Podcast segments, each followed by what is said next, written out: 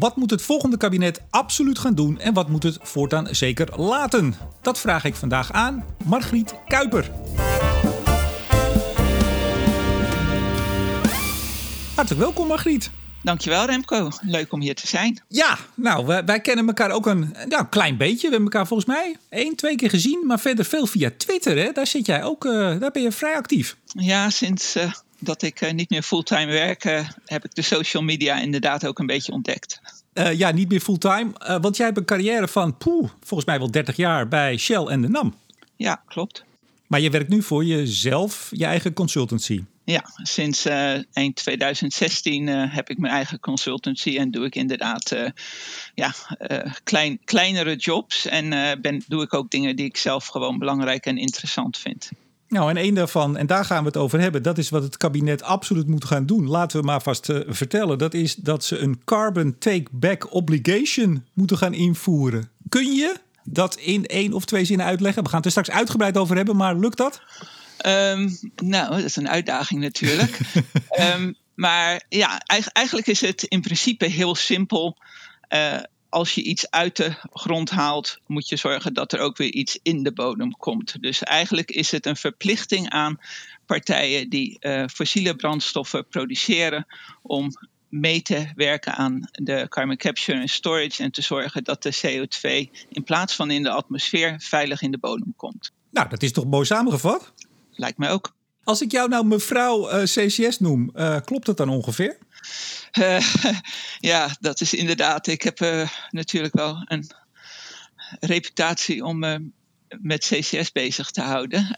ik, ik, ik denk het wel. Ik denk CCS en wat dan corporate social responsibility, dus sustainable development en dat soort issues, dat dat met de twee hoofddelen van mijn carrière zijn geweest, zeker in de laatste 20, 20 jaar of zo. Ja, want jij was projectmanager onder andere van het CCS-project Barendrecht van Shell. Nou, dat, ik denk dat bijna iedereen die nu zit te luisteren denkt... oh ja, daar heb ik van gehoord. Ja. 2004, 2009. Je hebt ook nog vijf jaar in Gabon gezeten, zag ik. Klopt, klopt. Ja, was, dat, was dat leuk? Was superleuk, was superleuk, ja. Dat was aan het begin uh, inderdaad meer van mijn carrière. Ik heb vier jaar in Engeland gezeten en toen vijf jaar in Gabon. En uh, ja, ik civiele techniek gestudeerd. Dus toen zat ik echt nog gewoon aan de projectmanagement kant. En dat was gewoon natuurlijk heel interessant om dat eens een keertje in een heel ander land te doen dan uh, in uh, Europa. Ja, wat was lastiger of wat was makkelijker? Werken in Gabon of in Barendrecht om de CCS daar voor elkaar te krijgen? Uh, Barendrecht veel lastiger. ja. Ja, we, we, gaan, we, gaan, er niet te lang op door. Maar het is natuurlijk wel, ik zou bijna zeggen, een iconisch uh, uh, CCS. Ja, ja, mislukt project of niet doorgegaan, hoe je het maar noemen wil. Ja, klopt. Wat is daar, als je daarop kunt antwoorden hoor, uh, en anders dan uh, doen we het een andere keer. Wat, wat is daar nou misgegaan?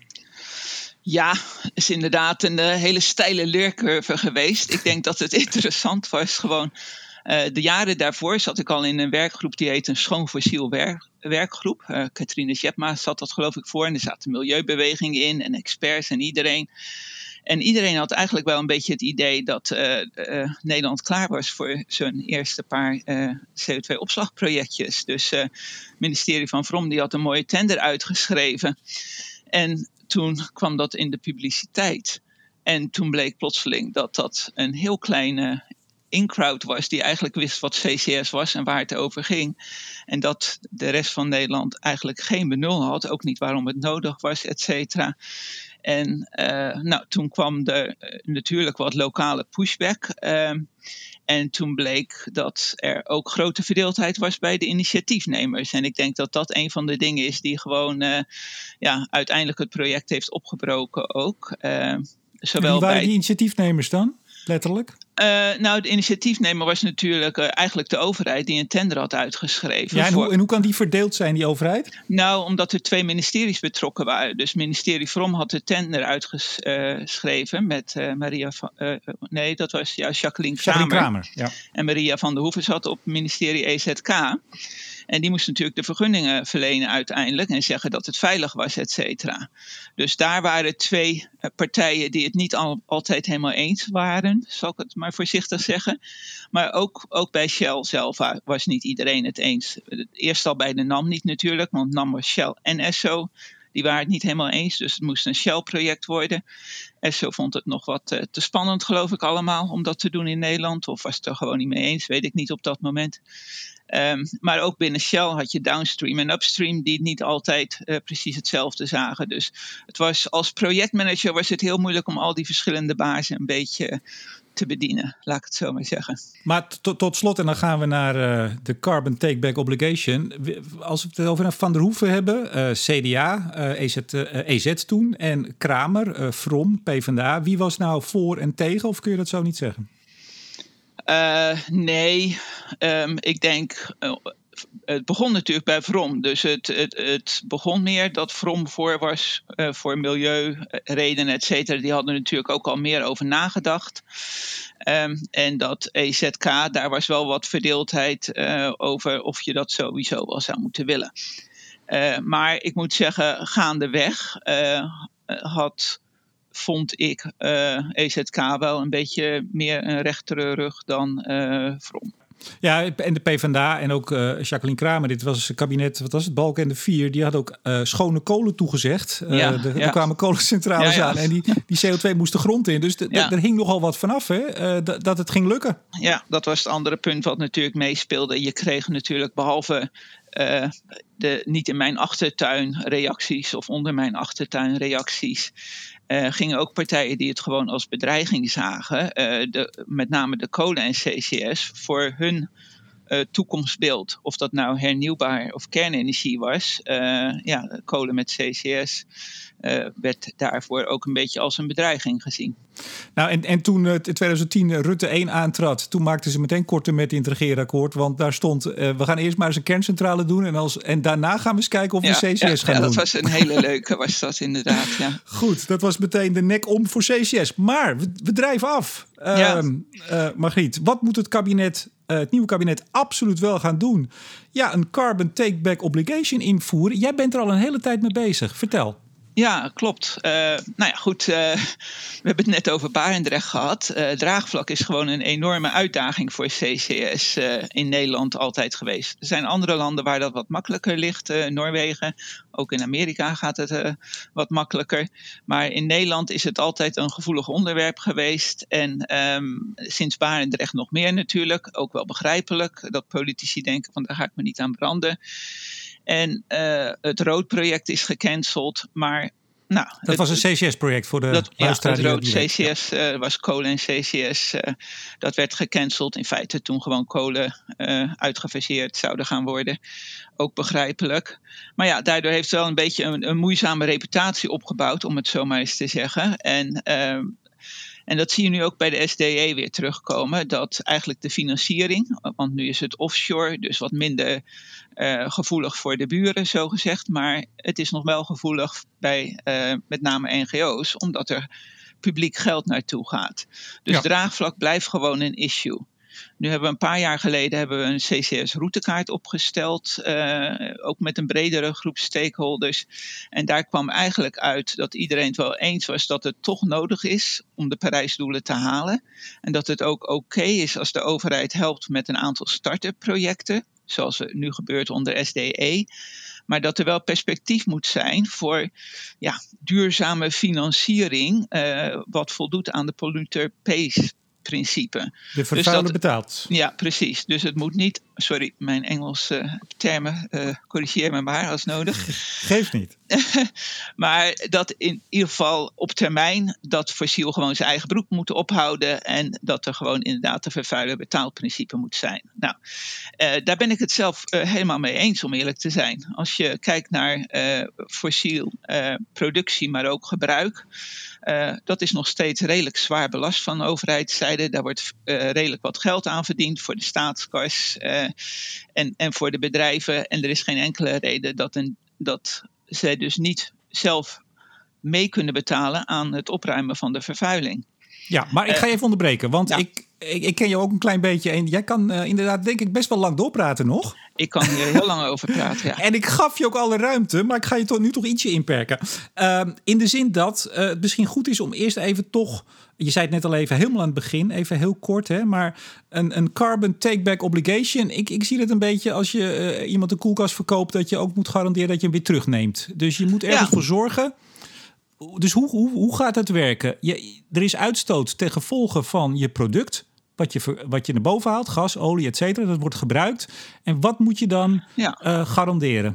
Nou ja, goed, de, de vergelijking met uh, koelkasten of met uh, verpakkingenafval is inderdaad heel terecht. wat dan uitgebreide producentenverantwoordelijkheid wordt genoemd.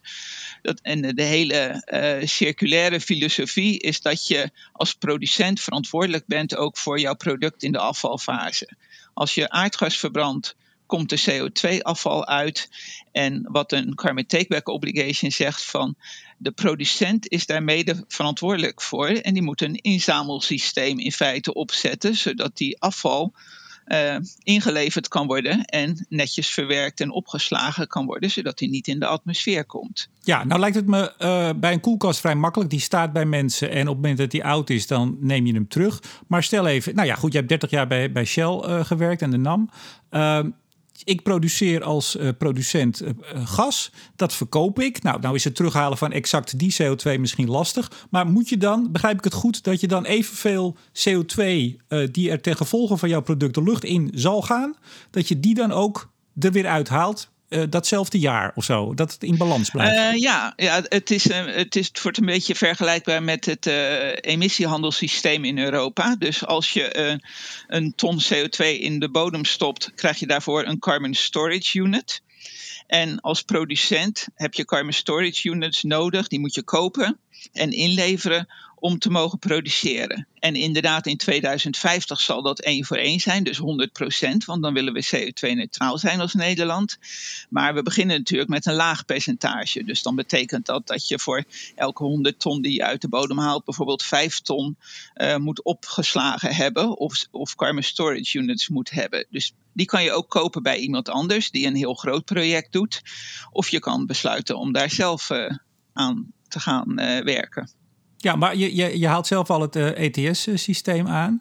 Als dat nou maar uh, niet alleen in Europa, maar wereldwijd zou worden ingevoerd, dan heb je die uh, carbon takeback obligation toch helemaal niet nodig?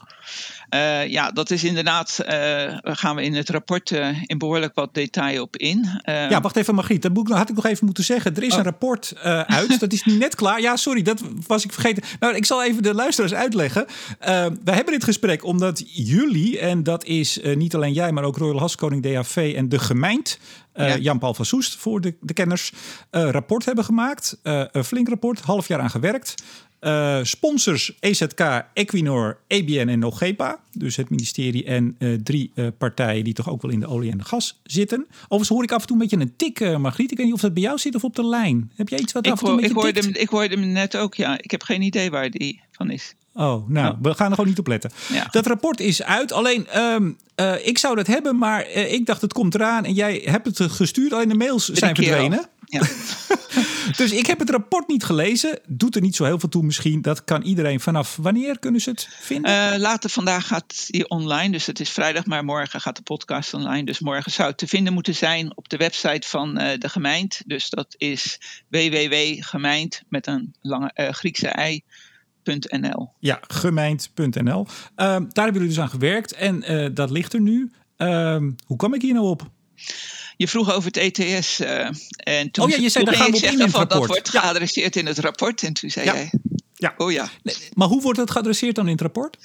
Uh, nou, we gaan in redelijk wat detail in op van hoe die interactie is tussen het ETS en uh, de Climate Takeback Obligation. Dus hoe die eigenlijk uh, samenwerken. Want er komt eigenlijk een additionele inkomstenstroom voor degene die CO2-opslag doen. Op dit moment zijn ze eigenlijk alleen uh, de contractor. Voor als iemand CO2 afvangt, uh, dan moet er gewoon betaald worden om CO2 op te slaan.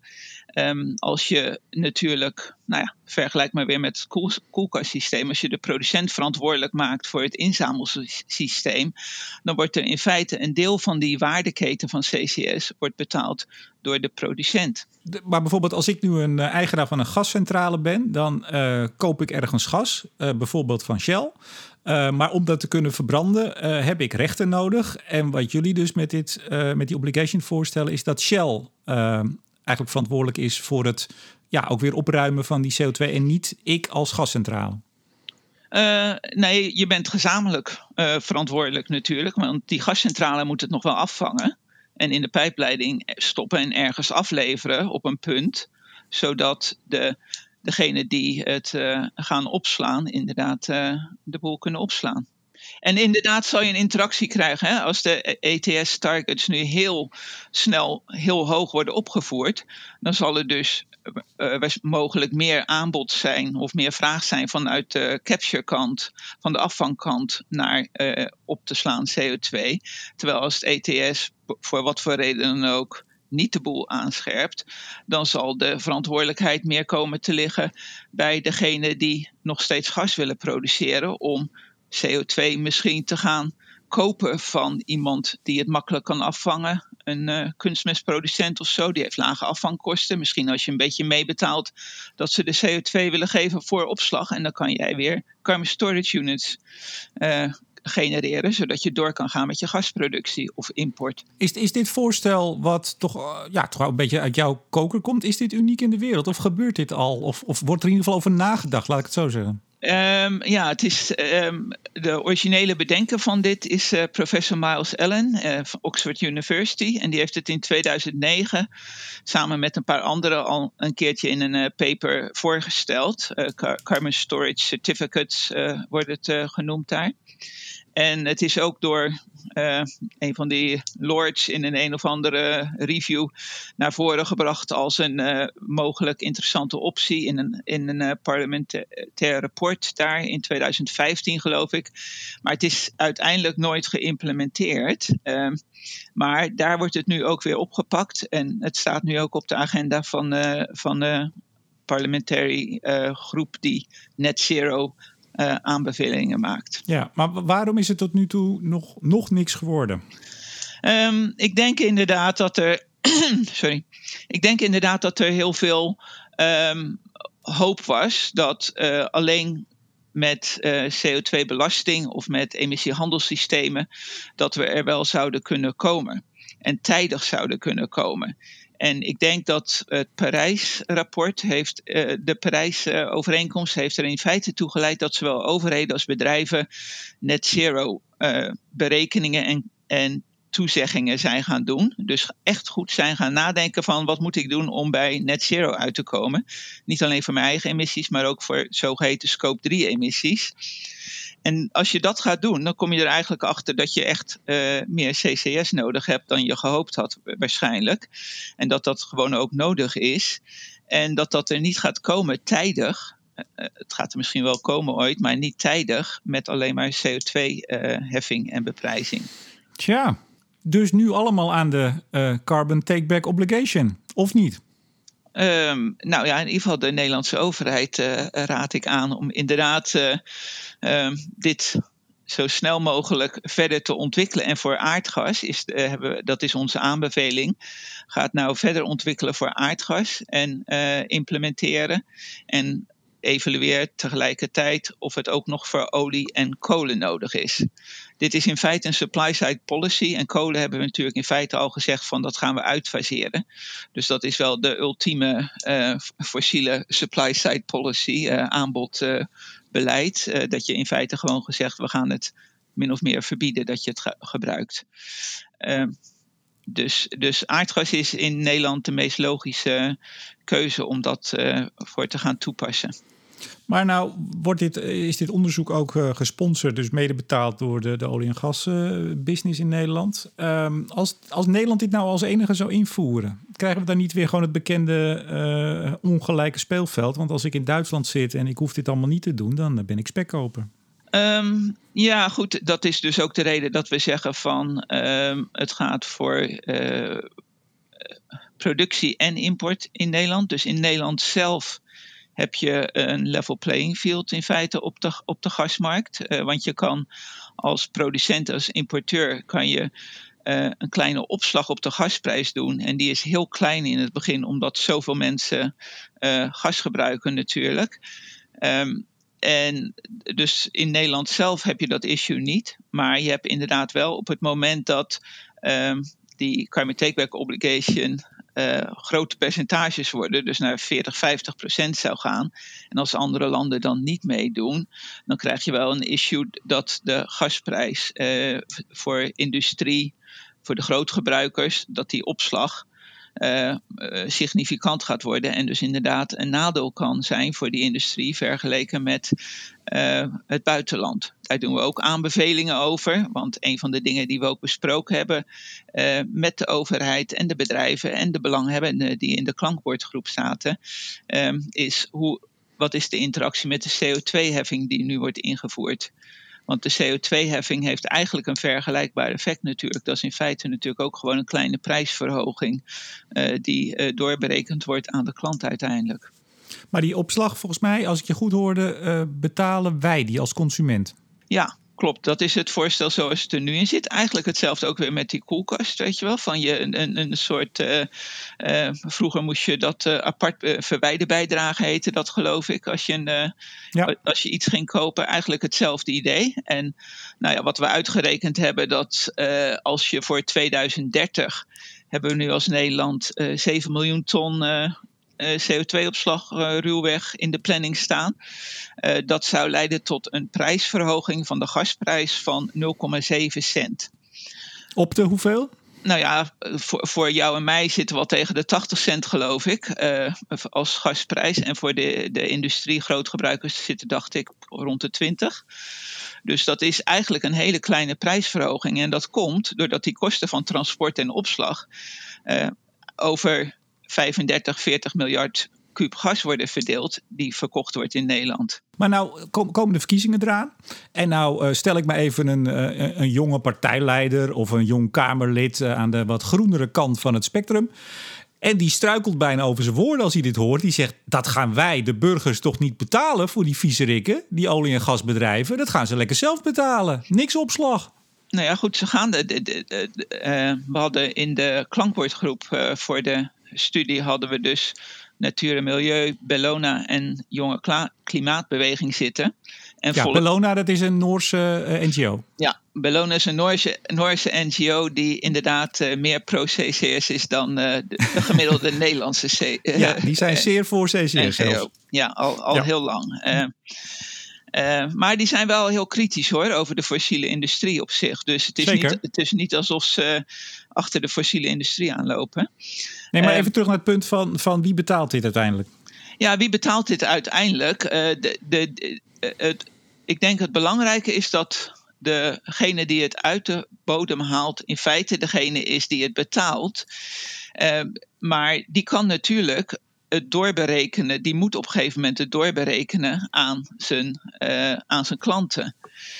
Um, ik denk dat de overheid heel goed moet nadenken wat zij willen doen. Uh, op een gemiddelde, als jij en ik gas kopen voor 80 cent, zit daar iets van 60, 70 cent belasting op. Hè?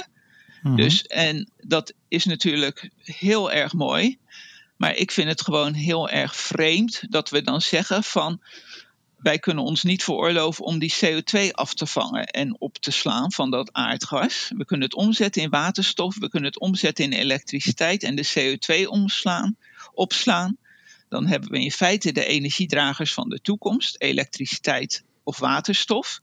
En dat kunnen we allemaal doen zonder dat de prijs al te veel omhoog hoeft te gaan.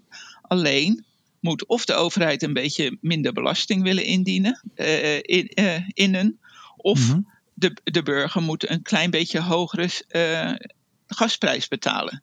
Nou was de overheid toch al van plan om onze gasprijs continu te blijven verhogen totdat jij en ik opstappen, overstappen op die warmtepomp. Dus die energieheffing die gaat al elk jaar omhoog en dat gaat nog meer gebeuren, want ze willen die prijsverschil tussen gas en elektriciteit nog groter krijgen. Dus doe dat dan met een opslagheffing uh, voor CO2-opslag. Want dan heb je niet alleen de vervuiler betaald, maar ook de vervuiler ruimt op. En dat is het beetje wat natuurlijk het nadeel is van al die eh, energiebelastingen en heffingen, et cetera. Dat geld gaat naar de overheid in de hoop dat de gebruikers dan uh, betere keuzes gaan maken. Maar tot nog toe is dat heel moeilijk gebleken. En ik, zeg, ik zeg van nou, verhoog die prijs, krijg je hetzelfde effect, maar gebruik dat geld nou gedeeltelijk om te zorgen dat die CO2 weer teruggaat in de bodem. Ja, ik, ik moet een beetje denken aan de introductie van, volgens mij was dat toen de SDE, uh, dat was Rutte, dat was meer dan tien jaar geleden. Uh, of in ieder geval de, de ODE, pardon, de ODE. En toen ging het over, ik heb er nog een krantartikel van gevonden, ik dacht dat het toen ging over 8 euro per jaar per huishouden. Ja, ja, precies. Heel klein bedrag, mensen. Heel klein bedrag. Dat merkt u nauwelijks. Kijk eens naar de volledige rekening. 8 euro, of het was 13. Ja, orde grootte, paar euro. Ja, dat ging uh, op een gegeven moment uh, enorm stijgen. Uh, en we zitten nu zo boven de 200, 200 250 euro, als ik het wel heb, per jaar. Dat gaat toch hier ook gebeuren? Want het begint met die 7 megaton, zoals je zegt, 0,7 cent. Nou, dat klinkt inderdaad als, als weinig. Maar ja, uh, uh, dat gaat straks uh, naar de vele procenten van de totale uitstoot. ja, uiteraard. en, maar ik denk dat is natuurlijk ook waar de milieubeweging het wel mooi vindt. Want in feite ga je de externe kosten internaliseren gewoon voor de, voor de aardgasprijs. Dat je zegt van ja, die, die, die afvalverwijderingskosten moeten wel meegenomen worden in de kostprijs die mensen betalen. Dus dat gaat inderdaad omhoog. Maar kijk, als je het, ik, ik ben verbaasd hoe weinig het is als je het uitrekent, zowel voor benzine als voor aardgas. Dan blijkt dat wat we nu betalen aan belastingen, dat dat eigenlijk al voldoende zou zijn om met direct air capture, dus eh, CO2 uit de lucht halen en op te slaan. Uh, dat kan je ervan betalen van de overheid. Wat, heel duur is, hè? Ja, wat heel duur is van de, van de geïnde overheidsbelastingen. En dan kunnen jij en ik gewoon auto blijven rijden en aardgas blijven. Nou, dat wil je natuurlijk niet, dus dat ga je niet doen. Maar uh, het geeft een beetje aan hoe goedkoop fossiel eigenlijk is. Hoe we onderschatten van hoe moeilijk het is om het uit te faseren. En dat, en dat zie je in alle getallen, want we gebruiken al 30 jaar 80% een, uh, fossiele energie in de wereld. Uh, ja. Uh, en dat, dat percentage is heel stabiel. En dan hopen we altijd op tipping points dat het plotseling nou ja, heel erg gaat veranderen. Maar wat wij zeggen van ja, heel mooi, hard werken aan die tipping points. veel meer duurzame energie, veel meer efficiëntie. Maar voor de zekerheid zet nou ook een vangnetje uh, op zijn plek. En dat is de carbon take-back obligation. Zodat als je nog te lang te veel fossiel gebruikt, dat je het dan tenminste op een manier doet die het klimaat niet schaadt. Maar als ik, als ik jou nou hoor, dan, dan zeg je, ja, weet je, uh, als je alleen al kijkt naar de belasting die geheven wordt, dan kunnen we dit allemaal prima doen. Maar ook dat is toch geen gratis geld? Want nee, dat, dat klopt. Is beetje... Het is geen gratis geld, uh, dat, kijk, dat, nee, maar dat is een potje en daar doen we weer andere dingen mee. Dus het moet uit de lengte of de breedte. En wat ik je nog wel voorleggen. En mag ik daar even op reageren? Reageren. Want dat, dat nou, is, eigenlijk, eigenlijk ja, ja, natuurlijk. jawel, jawel. Nee, maar het is, een, het is gewoon een superbelangrijk punt natuurlijk. Uh, van inderdaad die belastingen. Maar um, ik stel voorop dat we Parijs willen halen. En dat zeggen Milieubeweging ook. We moeten Parijs halen. Dus dan heb je twee mogelijkheden. Of je gaat minder fossiel gebruiken. Ja? Mm Of je gaat het op een andere manier gebruiken. En als je minder fossiel gaat gebruiken, ben je die potjes helemaal kwijt. Ja? Overheid verdient nu 20 miljard per jaar aan belastingen en heffingen en zo op fossiel. Als ze dat moeten halveren, hebben ze 10 miljard. Dus dan zijn ze, en om aan Parijs te voldoen, even, even vooropgesteld dat we die emissiereducties willen halen. En dan moeten ze nog veel meer geld uitgeven ook om duurzame energie nog veel meer exponentieel op te schalen dan dat we eigenlijk kunnen. Dus dat wordt heel erg duur. Uh, dus als je, als je die Parijsdoelen serieus neemt, dan kan je wel zeggen van ik wil dat geld houden voor gezondheid en uh, allerlei andere hele goede doelen waar ik het mee eens ben. Maar dat betekent wel dat je dan in feite accepteert dat je nog te lang te veel fossiel gaat gebruiken. Nou ja, en, en kijk, wat, we kwamen hier eigenlijk op om die 0,7 cent die dan uh, burgers uh, per kuubje gas uh, zouden gaan betalen. Maar de politiek, en daar wil ik nog even met je over hebben. we krijgen weer de debatten. En dat gaat nou juist over wie, wie betaalt het. Terwijl ik denk dat wij kunnen vaststellen dat we uiteindelijk altijd alles met elkaar betalen. Ja, Bedrijven rekenen dat door. Maar zeker aan de wat groen linkserige kant in het spectrum. en ook ja, nee, ik bedoel GroenLinks en PvdA en D66. Die willen nou juist, die maken in ieder geval een politiek punt van dat het uit de zak, uit de winstmarge van die bedrijven moet komen. Ja. Want we kunnen van alles verzinnen. We kunnen een opslag per kuub. We kunnen van alles doen.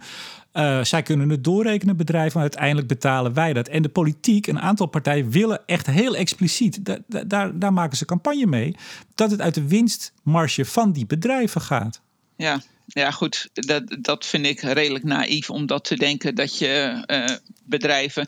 Kijk, uh, zo begon ik ook met, uh, hoe heet het? corporate social responsibility binnen Shell. Hopen dat het bedrijf een soort sociale onderneming allerlei mooie dingen ging doen. Maar zo werken bedrijven gewoon eenmaal niet. En als je dat hoopt en aanneemt dat dat ooit zal gaan gebeuren dan gaan we die Parijsdoelen niet halen, om eerlijk te zijn. Dus je moet gewoon om dat level playing field ook uh, te, te, af te dwingen, moet je gewoon als overheid met regelgeving komen. Waarbij je afdwingt dat bedrijven dat gaan doen. En dit is een grote stap hè, voor die bedrijven. Uh, dus dat is een beetje, uh, ik denk het voor- en het nadeel van de carbon takeback obligation. Is dat het zowel bij NGO's als bij bedrijven ook vraagtekens oproept. Ze zijn er allebei in geïnteresseerd, positief in geïnteresseerd. Dus dat is vond ik, vonden we heel leuk om dat te ervaren. Dus het waren hele constructieve gesprekken die we met, met uh, al die partijen hebben gehad. Maar ze zien ook allebei inderdaad de standaard risico's. Uh, de NGO's zien de lock-in risico's uh, met name als een issue. Veel minder die, wat jij nu noemt hoor, dat genoemd van die betaling. Want nou ja, zij vinden het juist heel mooi dat de olie- en gasbedrijven formeel nu voor scope 3 emissies verantwoordelijkheid zouden krijgen. Dus op ja, dit leg, moment... leg, even uit wat scope 3 is voor uh, sommige ja, luisteraars. Scope 3 is, zijn de emissies die vrijkomen bij de verbranding van het product. Dus een bedrijf heeft scope 1 emissies. Dat is uh, als die zelf CO2 de lucht in gooit. Shell Penis die gooit CO2 de lucht in. Dat is hun scope 1. Scope 2 is als ze elektriciteit inkopen van iemand. En die elektriciteitscentrale die heeft emissies. En scope 3 is de emissies van de benzine die ze aan jou en mij verkopen, die ook de lucht in gaat uiteindelijk. En ja, over de afgelopen vijf jaar heb je ge gezien dat er steeds meer bedrijven in hun rapportages en in hun net zero commitments ook scope 3 gaan meenemen. Maar dat is puur op vrijwillige basis. In feite op dit moment. Dat kan niet afgedwongen worden. En daardoor is het, ja, zal, zal het heel langzaam gaan natuurlijk. Omdat uh, er zijn een aantal voorlopers, maar uh, zelfs die lopen niet al te hard. En als, wat je met een carbon takeback obligation doet, zegt van als jij het uit de bodem haalt, dan ben jij mede verantwoordelijk voor de impact van het product. En moet je dus zorgen voor een goed inzamelsysteem. Denk je nou niet, uh, of althans, dat, dat dacht ik, laat ik het zo zeggen. Laat ik even zeggen wat ik zelf dacht. Um, op het moment dat het uh, enigszins substantie krijgt. Dus uh, als we het hebben over je produceert 100, 100 eenheden en je moet er 20 op een gegeven moment in de bodem stoppen. Ja. D dat NGO's en sommige partijen niet zeggen, nou hartstikke mooi die 20 in de bodem, maar geen 100, maar 80 produceren. Oftewel, je moet, je moet veel harder gaan. Krijgen we dat dan niet weer? Want je zou in die zin, jij zei net lock-in. Je zou natuurlijk kunnen zeggen, ja, dit is in die zin, je, je kan gewoon doorgaan met produceren als je maar iets, iets regelt. Ja, dan, in de beeldvorming dan hebben, dan hebben over, ze niet zoveel vertrouwen in die uh, duurzame energie, die waanzinnig goedkoop is en die alles aan kan. Hè? Dus in principe gaat die natuurlijk gewoon uh, fossiel de markt uit concurreren. Zeker als we fossiel duurder maken door de afvalkosten erin te verwerken. Dus ik denk dat dat een, uh, een onterechte zorg is, in de zin van dat fossiele um, gebruik naar beneden zal, sowieso naar beneden gaan. Want we hebben ook niet genoeg. Uh, je, kan dat niet eindeloos blijven gebruiken. En, en je kan het percentage nog hoger maken. Hè? Een van de dingen die in het rapport ook besproken worden, is dat je als je in 2050 bent uh, en iedereen verwacht dat je dan nog best wel wat aardgas gebruikt. Uh, maar stel dat je dan op uh, 5 of 10 miljard per jaar zit in plaats van de 40 waar we nu zitten. Nou, als je zegt van ja, maar goed, uh, wij vinden dat dat en, en het zit op 100% hè, dus dan wordt alles omgezet in feite in waterstof en elektriciteit en de CO2 afgevangen en opgeslagen. En we doen ook nog een beetje biomassa afvang en opslag om de laatste beetjes te compenseren. Nou, zit je op net zero met je, met je productie, eh, dan kan je besluiten dat je zegt van nou, we gaan naar 120% want we willen toch fossiel uitfaseren. En eh, anders gaat het nog te lang duren.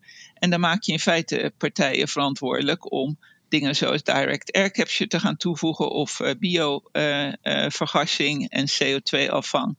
Ehm, dus dan kan je in feite ook het instrument gebruiken om negatieve emissies te gaan realiseren en carbon removals. En ook Nederland zal carbon removal moeten gaan doen in de tweede helft van deze eeuw, want daar hebben wij historisch ook een verantwoordelijkheid voor. Als jij de politieke discussies volgt en ook naar aanleiding van het uh, klimaatakkoord, want uh, wat jullie hebben gedaan, dat was ook voor het klimaatakkoord, hè? Die, ehm, die CCS-roadmap, daar heb je ook aan gewerkt, ja, heb jij ook aan gewerkt. Ehm, als je kijkt naar het, de politieke discussie en hoe partijen erin zitten, ehm, en jij zegt nu ook zelf hè, dat, dat CCS absoluut nodig is, en ook BECS, dus, dus uh, uh, negatieve uh, emissies met, met biomassa. Zie je dat in Nederland dat daar op een gegeven moment een, een ruime meerderheid in de politiek goed achter gaat staan? Ja, dat is een heel moeilijke vraag ik, weet, ik weet het niet om eerlijk te zijn. Ik denk dat het in Nederland, uh, als ik ook zie hoe we achter de groene waterstofhype uh, aanlopen nu. We willen graag allemaal happy zijn en eens zijn en mooie visioenen hebben over, over de toekomst die breed gedragen zijn. En dan wil de politiek nou ja, de open deur wel intrappen, zo gezegd. en, en dat is denk ik ja, iets wat uh, de komende jaren toch gaat knellen. Want we moeten gewoon gaan leveren. En dat is heel erg moeilijk. Gaat heel erg moeilijk worden, denk ik. Uh, als je uh, ja, op dingen hoopt die eigenlijk niet haalbaar zijn. Zoals ik zei, ik ben projectmanager van achtergrond. Ik vind dat je als overheid voor 2030 geen doelen kan zeggen uh, zonder dat je een uh, fatsoenlijke barchart zo gezegd gemaakt hebt. En die, die is er gewoon erg, nergens. Een wat? Een barchart, een projectplanning. Dus als projectmanager moet je kost, time en resources uh, goed in de kaart brengen. Van hoeveel gaat het kosten? Nou, dat doet PBL redelijk. Time, dus de planning van hoeveel tijd gaat het kosten om dat te realiseren. Ik zie het nergens.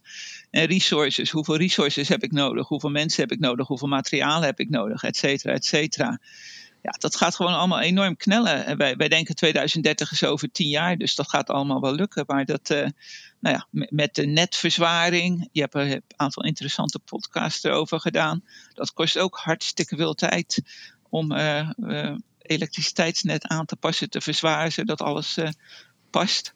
Maar hoor ik jou nou zeggen dat we maar een beetje aan het klungelen zijn uh, met het hele klimaatakkoord en alles wat we daarin hebben gezegd dat we gaan doen? Ja, ik, ik denk voor 2030 uh, dat er gewoon uh, een, een, een, shift moet komen van ja, doelen stellen naar onderbouwingen maken. En daar zal of EZK die zal een hoop meer mensen moeten aannemen, of ze moeten inderdaad een organisatie opzetten die eigenlijk los van hun, de politiek, zoals ze in Californië bijvoorbeeld hebben en in de UK, die, die klimaatdoelen gaat managen en daar gewoon ook uh, autoriteit en de, gedelegeerde autoriteit voor krijgt om dat te gaan doen. Want er zal een hoop uh, nodig zijn ook aan de overheid. Maar vind, vinden, vinden we het in Nederland niet, vindt de politiek het ook niet veel te leuk om er wel bovenop te zitten, zodat ze daar ook uh, vrijwel ieder debat weer uh, hun puntjes mee kunnen proberen te En dan krijg je dus het gezwabber waar niet op geïnvesteerd kan worden door bedrijven. Dat, dat, dat is natuurlijk, uh, ja, dat, dat is gewoon zonde. Nou, wat het kabinet moet gaan doen, uh, dat heb je duidelijk ge gezegd. De carbon take-back obligation. Gewoon morgen invoeren, klaar. Uh, maar wat moeten ze zeker gaan laten? Ja, hebben we het eigenlijk ook al over gehad, hè? Eigenlijk ook al wel een beetje, ja, inderdaad. Uh, ik, ik, ik denk, ja, ik was met Thijs helemaal eens in, over de groene waterstof hype. Dat is gewoon voor een land als Nederland is dat eigenlijk gewoon redelijk onzinnig. En er is een hoop innovatiepotentieel aan de blauwe waterstofkant neem daar als Nederland een voorsprong in en exporteer dat naar al die landen die nog heel veel aardgas hebben en die we onmogelijk kunnen vertellen. Een land als Mozambique die gaat er 8 miljard aan verdienen of zo, meer dan uh, nou ja, hun uh, bruto nationaal product. Die kan je niet gaan zeggen van dat moet je in de bodem laten zitten, maar help hun om het op een andere manier te verwaarden naar elektriciteit en waterstof. En koop die blauwe waterstof van hun voor een meerprijs. Dus er zijn een hoop creatieve dingen te bedenken met blauwe waterstof die nog heel lang nodig zal zijn. Alle scenario's die laten zien dat groen en blauwe waterstof ongeveer 50-50 is nog in 2040 à 50. Dus dat is nog vele decennia dat je dat uh, uh, heel goed op de markt kan brengen zet daarop in. Want we hebben niet genoeg ruimte voor groene waterstof gewoon in Nederland. Ja, en blauw is met, uh, met CCS toch nog even voor wie dat uh, gemist had. Maar je, je zei in het begin dat jullie ook Bellona, de, de Noorse NGO, aan tafel hadden. Nou, Noorwegen, is dat niet het land wat op dit moment in Europa voorop loopt in het uh, ook bouwen van een systeem waarbij ze ook van andere landen de, de CO2 willen importeren? Ja, Dus Noorwegen is, ook, ja, Noorwegen is ook zeker geïnteresseerd hierin. Equinor zat natuurlijk ook aan tafel. En um, ik denk dat de logische volgende stap die we ook geïdentificeerd hebben, is om uh, dit regionaal uh, te doen. Dus uh, Engeland is er al mee bezig in feite. en Noorwegen, denk ik, heeft een, zou natuurlijk geïnteresseerd moeten zijn, want die wil in feite langetermijn duidelijkheid hebben over de waarde van een heel duur opslagsysteem wat zij op dit moment aan het bouwen zijn. En die zoeken naar CO2 in feite daarvoor. Tot slot, jij zei net die, uh, die hype van de groene waterstof uh, redelijk onzinnig, uh, zei je volgens mij. Ja, zei ik dat? Ja, dat zei je. Oh, um, nou, je bent niet de enige die dat zegt. Thijs zei het vorige keer ook en, en er zijn heel veel mensen. Ik vroeg me nog af, met die hele toeslagenaffaire in het achterhoofd van ook een Tweede Kamer... die dan jaren later toch iets waar ze zelf hard aan hebben meegewerkt... de handen ervan aftrekt en zegt, nou, dat is toch raar... Um, ja, dit is bijna een soort, uh, het is niet eens echt een vraag, maar uh, met groene waterstof, je ziet nu dat iedereen erachter staat en erachter loopt van, van, van ook de, de, de organisaties in Nederland, politieke partijen. Ja, over een jaar of vijf, misschien al, al, ja, iets langer. Gaan, gaan, gaan we met z'n allen vaststellen dat het onzinnig is. En iedereen die ik spreek, die een beetje verstand heeft, die zegt het nu al. Jij zegt het, uh, er zijn er heel veel meer. Hoe, hoe, hoe, kijk je daar tegenaan? Want we, we, zien het allemaal. We zien allemaal dat we op een muur afrijden. En, en iedereen doet dat nu nog blijmoedig. En die trekt over een aantal jaar zijn handen eraf. En zegt, nou, dit, dit wisten we niet hoor. Dit wisten we niet. Ja, dat weten we wel. Dat weten we nu. Ja, ja weet je, uh, mensen die houden er niet van confrontatie. Hè? Dus uh, Shell, Shell, en Greenpeace zijn misschien blij dat ze een keertje samen aan de tafel zitten of zo. Ik weet het ook niet. Uh, maar um, ja, ik, ik denk inderdaad, uh, als je gewoon naar de getalletjes kijkt. Uh, ruimtegebruik is honderd keer meer dan blauwe waterstof. Uh, energiegebruik is drie keer zoveel. Het, het is gewoon eigenlijk iets wat je, zoals Thijs ook zegt, kan je pas doen als je renewable energy, duurzame elektriciteit in overvloed hebt. En dat hebben we voorlopig gewoon nog niet. En we hebben wel die emissiereducties snel nodig. Dus er is gewoon geen enkele logische reden om als Nederland, als klein landje, te denken dat jij hier in, in de RD-fase en de pilotfase eigenlijk een belangrijke rol zou kunnen of moeten gaan spelen. Laat koploper, dat... Margriet, zijn wij altijd ja, wereldwijd koploper. Ja. ja. we kunnen koploper worden, maar niet iedereen kan koploper worden Weet je, een, een team heeft verschillende spelers nodig en die moeten uh, samen het, de klus klaren. En wij hebben nou eenmaal meer capaciteiten op het gebied van, weet ik veel wat, noem het maar verdediging, uh, als de blauwe waterstof is. Maar wij willen spits zijn, geloof ik. En dat is dan de sexy rol van groene waterstof. Maar ze zijn allebei belangrijk. Dus doe niet moeilijk, pak gewoon de rol die natuurlijk het beste bij je past. Heb je nog een slotwoord? Want uh, jij, als projectmanager, jij bent gewend om alle draadjes ook netjes af te hechten. Dus we hebben nu uh, bijna drie kwartier gesproken. Ik geef je nog even de kans om nog een laatste punt te maken voor zover je dat nog op je, op je hart hebt. Um, ja, nou ja, goed. Het, het, het, het verhaal komt misschien uh, heel technisch uh, en uh, logisch over, of wat dan ook. Maar ik denk dat origineel ben ik hier ook op gekomen vanuit het perspectief uit het verleden. Dat we nou ja, in feite een ontwikkeling doormaken van vast afval, vloeibaar afval, gasvormig afval. En dat je in feite. Um, op, op dit moment zit je in de situatie dat mensen gewoon dingen nog in de atmosfeer lozen zonder daar Ehm, veel problemen mee te hebben. En dat is iets wat we natuurlijk vroeger met vastafval deden. In de straten gooiden we alles en toen kregen we riolering. En je kan je nu niet meer voorstellen dat je het gewoon in de straten dumpt. Oh, ik gooi alles op straat, ja. nog, nog altijd. altijd de uitzonderingen die de regel bevestigen. maar goed, hetzelfde met vloei. De, rivieren, weet je die waren op een gegeven moment ook enorm vervuild. De vissen uh, dreven de dood in, et cetera. Daar hebben we wat aan gedaan. En ik denk dat het gewoon uh, heel belangrijk is dat we een mentaliteitsverandering krijgen. En ook het als onbehoorlijk gaan zien als je gewoon nog schadelijke uitstoot uh, de atmosfeer ingooit. Uh, zonder dat je daar enige perspectief voor hebt dat je dat kan opruimen. Dus ik denk dat dat climate takeback obligation toch ook die mentaliteitsverandering teweeg moet brengen. Van als je iets op de wereld brengt, word je verantwoordelijk ook voor het afval wat het genereert. En daar zou je dus aan mee moeten werken. Nou, daarover in jullie rapport, wat uh, als deze podcast op zaterdag online gaat ook uit is. Uh, veel meer te lezen. Dik rapport, dun rapport, wat is het? Ja, best wel redelijk dik uiteindelijk nog. Omdat we uiteindelijk hebben we ook, en dat is voor sommige mensen misschien ook wel interessant, we hebben er ook nog een hoofdstukje in opgenomen over uh, carbon management in een net zero wereld. Dus eigenlijk van het, het, hele issue van carbon storage units, maar ook carbon removal. hoe kan dat samenwerken en hoe gaat dat eruit zien in een nou ja, toekomstige wereld waarin we eigenlijk uh, stabiel net zero moeten blijven. En uh, dat was belangrijk om het lange termijn perspectief te schetsen van ook op termijn heb je nog carbon storage uh, units nodig. De, de, sponsors hebben goed ruimte gegeven, begrijp ik. nou, ik, volgens mij hebben wij gewoon meer gedaan dan de sponsors gevraagd hebben. En ze hebben niet geklaagd. Dus te, te downloaden en te lezen bij. Uh, het, de club heet De Gemeint. Uh, Google het anders even, zou ik zeggen, met een Y.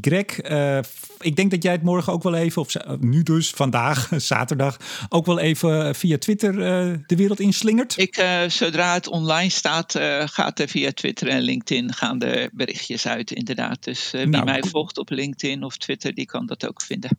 Ja, en zij is Margriet Kuiper met de Carbon Takeback Obligation. Uh, hartelijk dank, Margriet Kuiper. Nou, ik vond het leuk om te doen. Ik vond het ook leuk. En uh, dank, en ook dank zeg ik altijd aan onze beste luisteraars. Dank voor het luisteren. Mijn naam is Remco de Boer en graag tot een volgende keer.